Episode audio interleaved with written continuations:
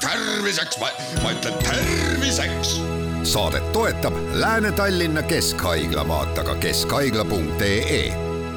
tere, head Kuku raadio kuulajad, eetris on saade Terviseks ja me räägime täna sooleinfektsioonidest. mina olen Ingela Virkus ja koos minuga on stuudios Lääne-Tallinna Keskhaigla infektsioonhaiguste arst Pille Märtin, tere! tere! Mis need sooleinfektsioonid siis on, et mida nende all siis silmas peetakse? Nende all peetakse silmas selliseid nakkushaigusi, mille põhiraskus jääb inimese seedetrakti, alustades siis äh, maost ja sealt allapoole ja mille tekitajaks siis on erinevad viirused ja bakterid, mis just kahjustavad seedetrakti limaskesta. Ja läbi selle siis põhjustavad kõiki neid tuntud haigusnähtusid, iiveldamine, oksendamine, kõhulahtisus, mis sellega siis kaasas käivad. aga miks need tekivad, need infektsioonid? Ehm, tekivad reeglina selle tõttu, et inimene on omale sisse söönud ehm, kas siis toiduga, mis on juba saastunud või ka kätega, mis on mustad olnud ja ja seeläbi pääsevad viirused ja bakterid inimese seedetrakti. Ja siis, kui nad sinna pääsenud on, siis nad ületavad kohapealse mikrobioloogia või mikrobiomi vastupanu, hõivavad kohad ja, ja põhjustavad siis selle, et kahjustades limaskesta, inimene ise üritab vabaks saada sellest, tõmbab kogu vee organismist soolde ja seeläbi tekib kõhulahtisus ja ka oksendamine, et kui organism püüab vabaneda e, sisse tunginud võõrast, siis ta kasutab kaitsemehhanisme ja tegelikult oksendamine ja kõhulahtisus ja palavik on kaitsemehhanismid aga mis haigused siis praegu talve alguses eriti sagedasti selliselt äh, levivad? Äh, praegu hetkel on meil algamas rotaviirus ja noroviirus, hooaeg, mis kestab Eestis siis tavaliselt oktoobrist maini vahest harva võib üle, üle minna ka suveperioodile ja, ja need on siis viirused, mis kõige sagedamini eh, rahvas tunneb neid eh, sõna all kõhugripp, aga nakkushaiguste arsti jaoks ei ole gripiga siin mitte midagi pistmist, et tegemist on täiesti omaette haiguste seltskonnaga. ja aasta läbi on meil ikka eh, sellised väikesed puhangud, mille põhjuseks on näiteks salmonelloos, et bakterid, mis on sisse söödud kas siis töötlemata muna või lihaga,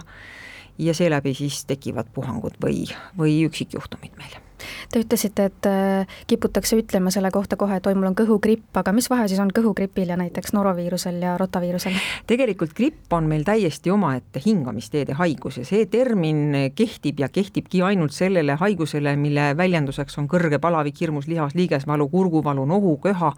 ja muud haigused, aga ka need kõhuviirused, need algavad äh, väga äkiliselt inimese jaoks väga kehva enesetundega, oksendamine, kõrge palavik kolmekümne üheksani,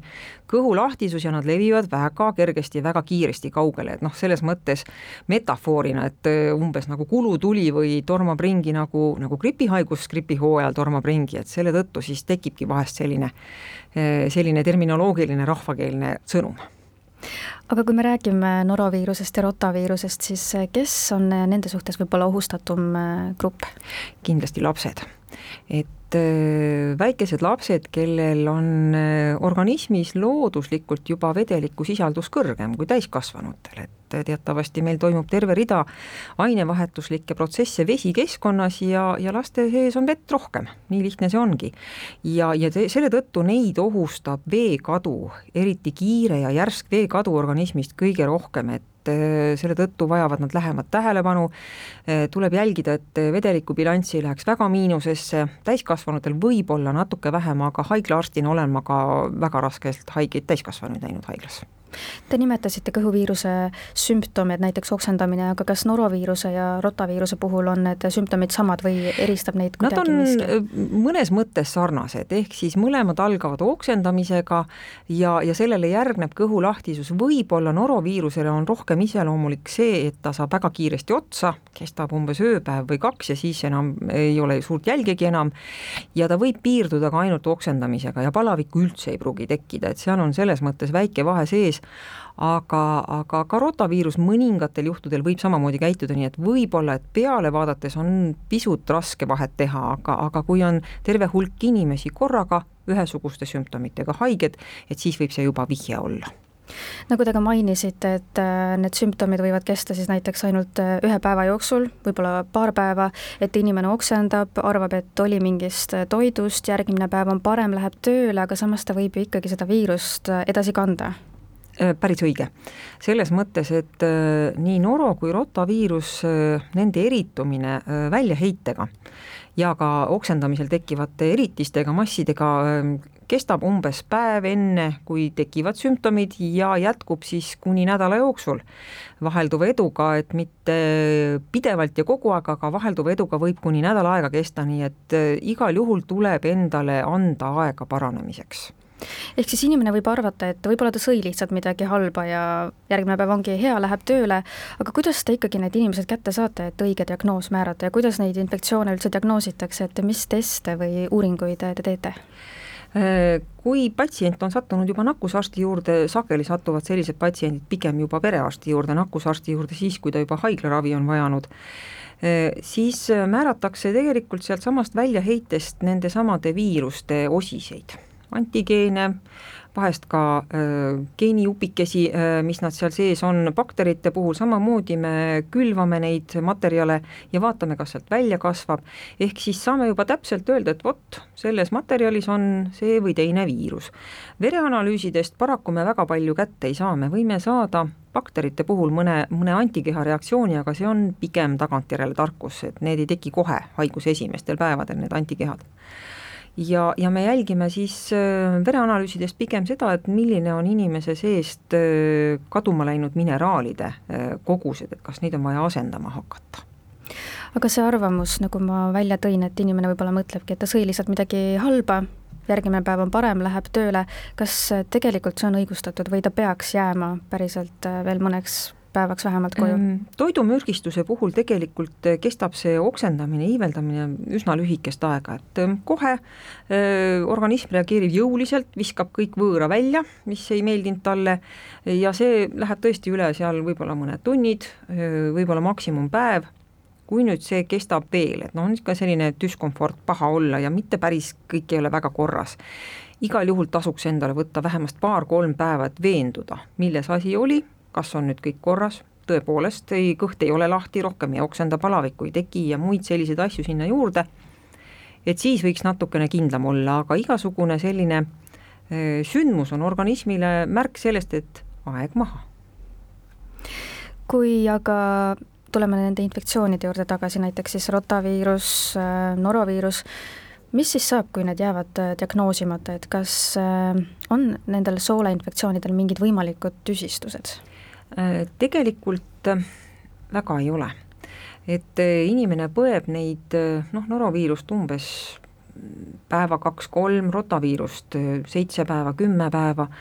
Ja tavaliselt siis ta läheb üle, mis on kõige ohtlikum moment, on see, et kui tekib väga suur vedelikupuudus organismis. Et siis võivad tekkida küll juba kesknärvisüsteemi poolt kahjustused, võib tekkida südametööhäireid et kõik need märgid, mis viitavad, et mineraalained on kõvasti-kõvasti puudu, neid on vaja ainevahetuses igapäevaselt, et need võivad küll tüsistusi tekitada, päris tõsiseid tüsistusi, et selles mõttes peab seda väga hoolikalt jälgima, aga seda varianti, et äh, põdesite läbi ja siis kuu aja pärast tekib veel midagi, niisugust varianti nota ja, rota ja noroviiruse puhul küll ei ole. aga millised on need tõsisemad tüsistused, mis võivad tekkida? Veetustumise tagajärjel tekivad tüsistused võivad tekkida rütmihäired näiteks et kaalium on väga oluline mineraalaine, mis osaleb südametöös, südamerütmi töös ja selle väga drastiline puudus võib tekitada südamerütmi häired, võib tekkida teadvuse kadu häired kesknärvisüsteemi töös väga kehval juhul võivad tekkida isegi krambid, et selles mõttes laste puhul on see väga hoolikalt vaja jälgida. Ja ka täiskasvanutel, näiteks eakamatel, kellel on palju kaasuvaid haigusi, ka nendel võib see minna mitte kõige soodsamal moel on siis sooleinfektsioonidel mingisugune ravi, et kui nad seal päev-kaks kestavad, et siis väga võib-olla ei jõuagi inimene hakata ravima ja lihtne võib-olla soovitus ongi, et tuleb lihtsalt hästi palju vedelikku tarbida? jaa, see on kõige esimene soovitus, mida me teeme, et kui inimene näiteks oksendab ja ei saa ta ei saa endale lubada liitrit vett korraga ära juua, sest see tuleb kohe tagurpidi välja, et siis kas või väikese lonksuga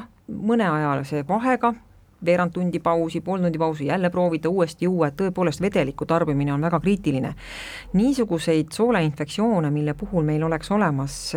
põhjuslik ravi, ehk siis äh, võtame kapist kas viirusevastase preparaadi või äh, antibiootikumi välja, neid meil praktiliselt ei ole, et äh, ka tegelikult bakteriaalsed sooleinfektsioonid enamasti lähevad üle, kui inimesele anda aega paranemiseks ja tagada kõik võimalused paranemiseks, ehk siis ta peab saama juua, ta peab ühel hetkel hakkama tasapisi ka sööma, valu ja iiveldamise vastu on olemas preparaadid, mis toetavad inimest kõigel sellel teel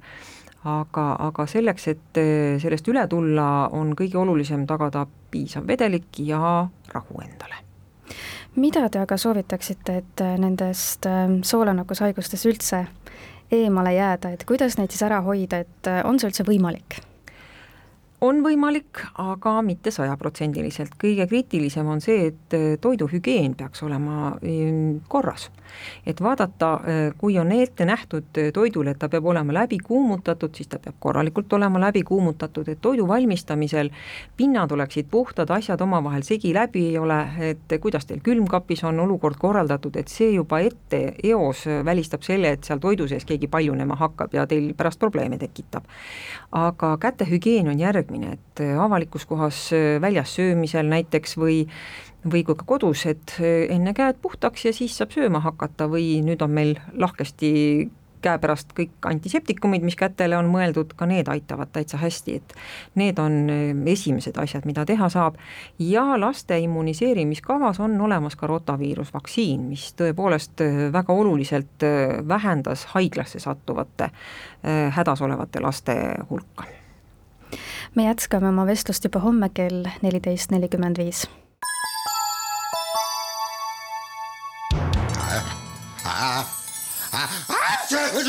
terviseks, ma ütlen terviseks. saadet toetab Lääne-Tallinna Keskhaigla, vaata ka keskhaigla.ee